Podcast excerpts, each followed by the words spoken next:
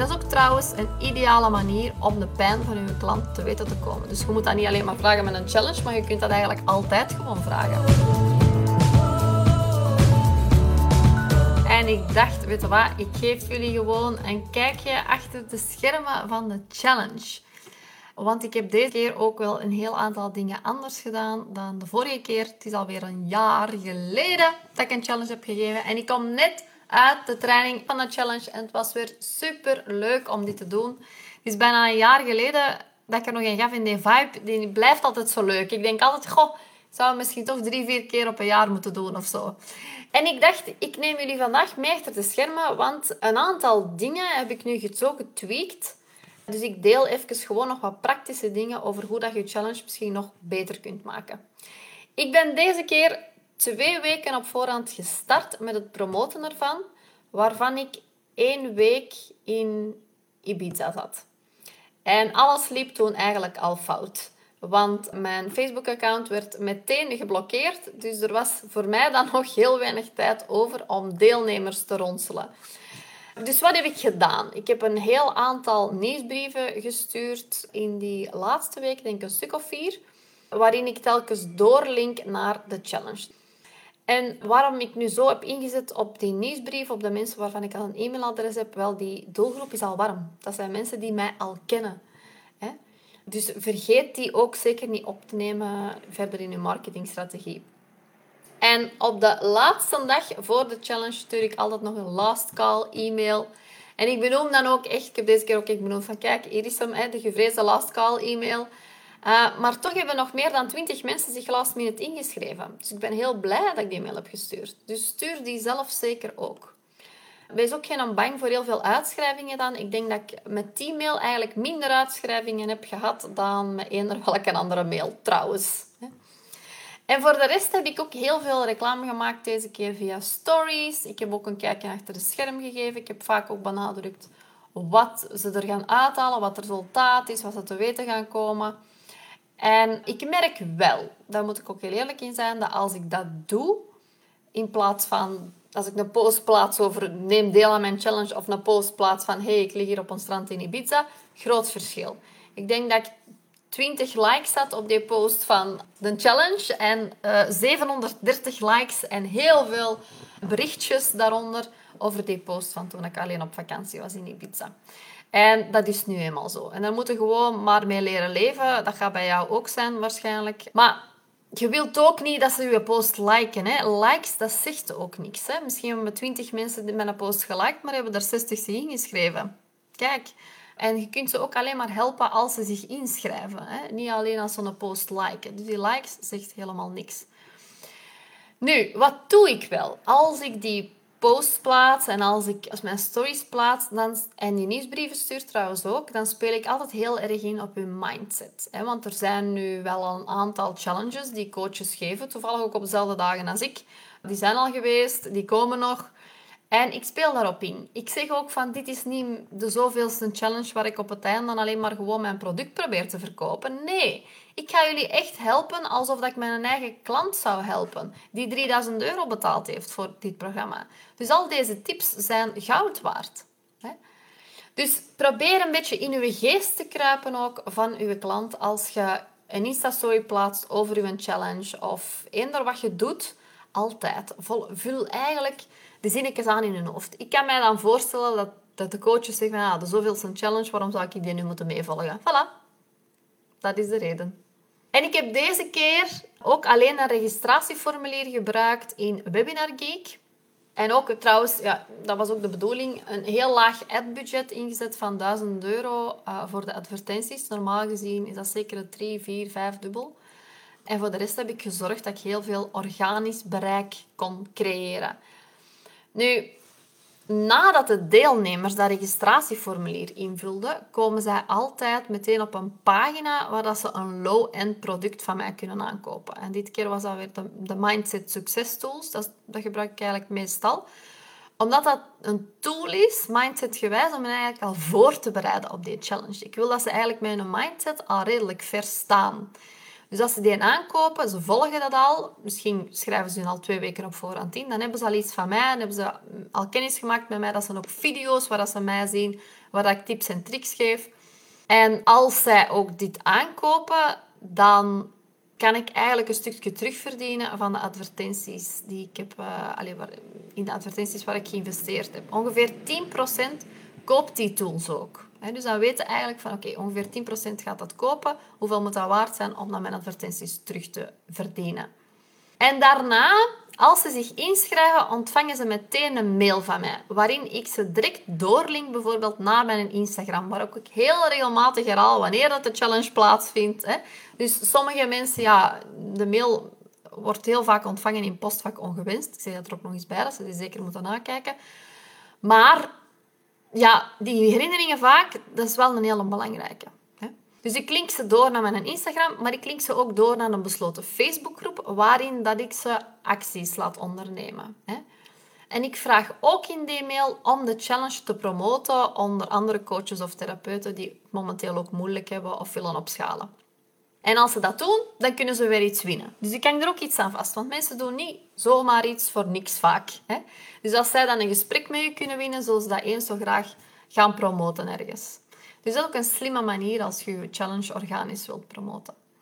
En deze keer heb ik ook mijn challenge gepromoot via mijn podcast trouwens. Heb ik ook nooit gedaan. Helemaal op het einde heb ik het er aangeplakt en ook een keer, aantal keer zo laten vallen tijdens de podcast. Dus dat is ook een goede tip om dat mee te nemen als marketingstrategie om een extra aantal deelnemers aan te trekken. En aangezien ik twee weken op voorhand gestart heb, ben met het promoten ervan, wil ik ook nog dat ze ondertussen niet koud worden, hè, de mensen. Dus ze zijn super enthousiast over die challenge, schrijven ze in, ze krijgen een kei enthousiaste mail en dan opeens horen ze twee weken niks meer van u. Dat is zonde. Dus stuur gewoon tussendoor ook nog een aantal waardemails. Wat ik bijvoorbeeld doe, is mijn eh, podcast promoten. Maar tegelijkertijd, ja, natuurlijk staan er ook heel veel tips in. Dus ik geef ze dan de link bijvoorbeeld in de e-mail naar mijn podcast. En dan, wat ik ook gedaan heb deze keer, is vier dagen op voorhand een mail sturen met een formulier in. Dat is een Google-formulier eigenlijk, met vragen in, waar ik antwoord op wil weten.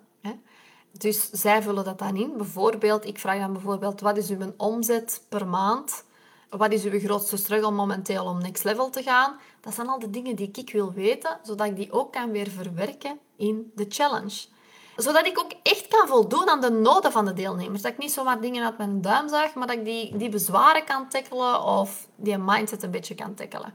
En dat is ook trouwens een ideale manier om de pijn van je klant te weten te komen. Dus je moet dat niet alleen maar vragen met een challenge, maar je kunt dat eigenlijk altijd gewoon vragen. Als er iemand die een e-book downloadt of er komt iemand tegen op Instagram. Voilà. En pas toen ik die info had, op de allerlaatste dag, ben ik mijn eerste challenge gaan maken. Ik ben helemaal de start before you're ready coach, dat weten jullie. Ik ben er helemaal niet voor dat je nu keihard gaat werken om een challenge te maken en dan belangen nog niet aan het promoten bent, doe het alsjeblieft andersom. Kijk eerst of er kandidaten zijn voor die challenge, of er inschrijvingen zijn, of er interesse is voor het onderwerp waar jij die challenge over wilt geven. Dat is zo belangrijk. Want het zou zonde zijn als je dat maakt, dat je er zoveel tijd in steekt en uiteindelijk heel weinig deelnemers hebt of, of geen. Dus als je al weet van oké, er zijn al een heel aantal volgers, er zijn een heel aantal deelnemers, dan zit je ook gesterkt om dit te maken. Als je dan nog weet wat wat je pijn is, ja, dan zit het helemaal goed. Hè?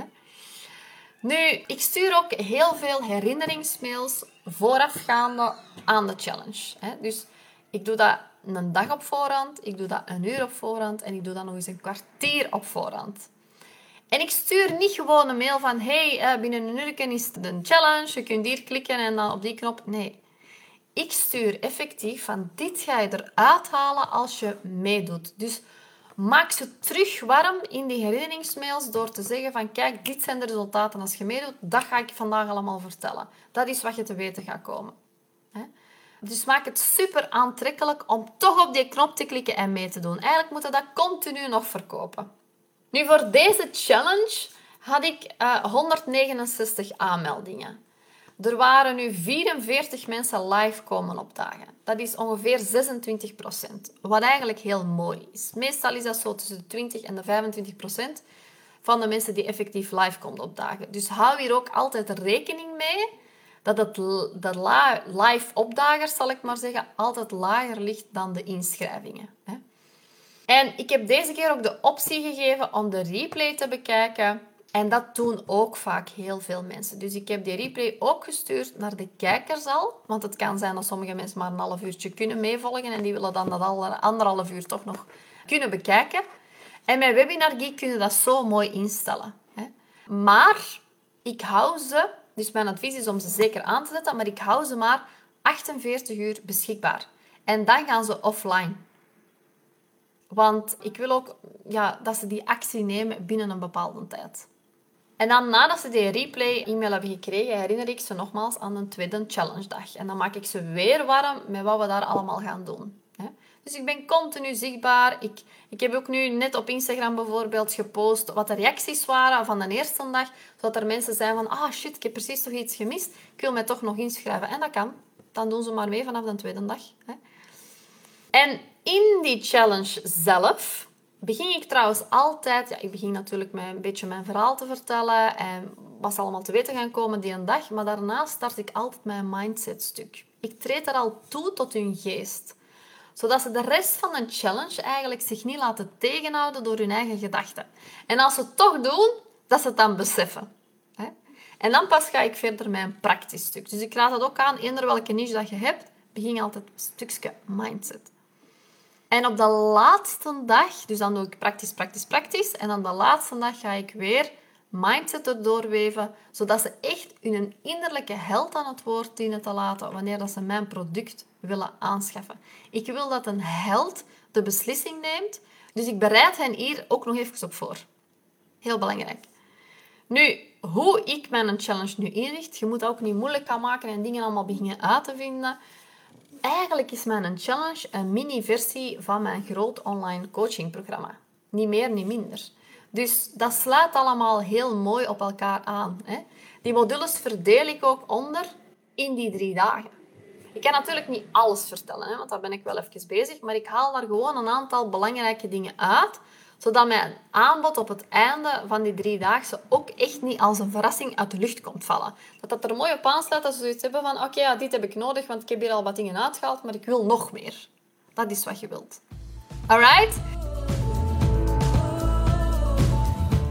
Dit was de podcast voor vandaag. Super leuk dat je luisterde. Heb je nu iets gehoord dat je inspireerde of motiveerde? Laat het mij vooral weten door een shout-out of een tag op Instagram. Dat vind ik super om te zien.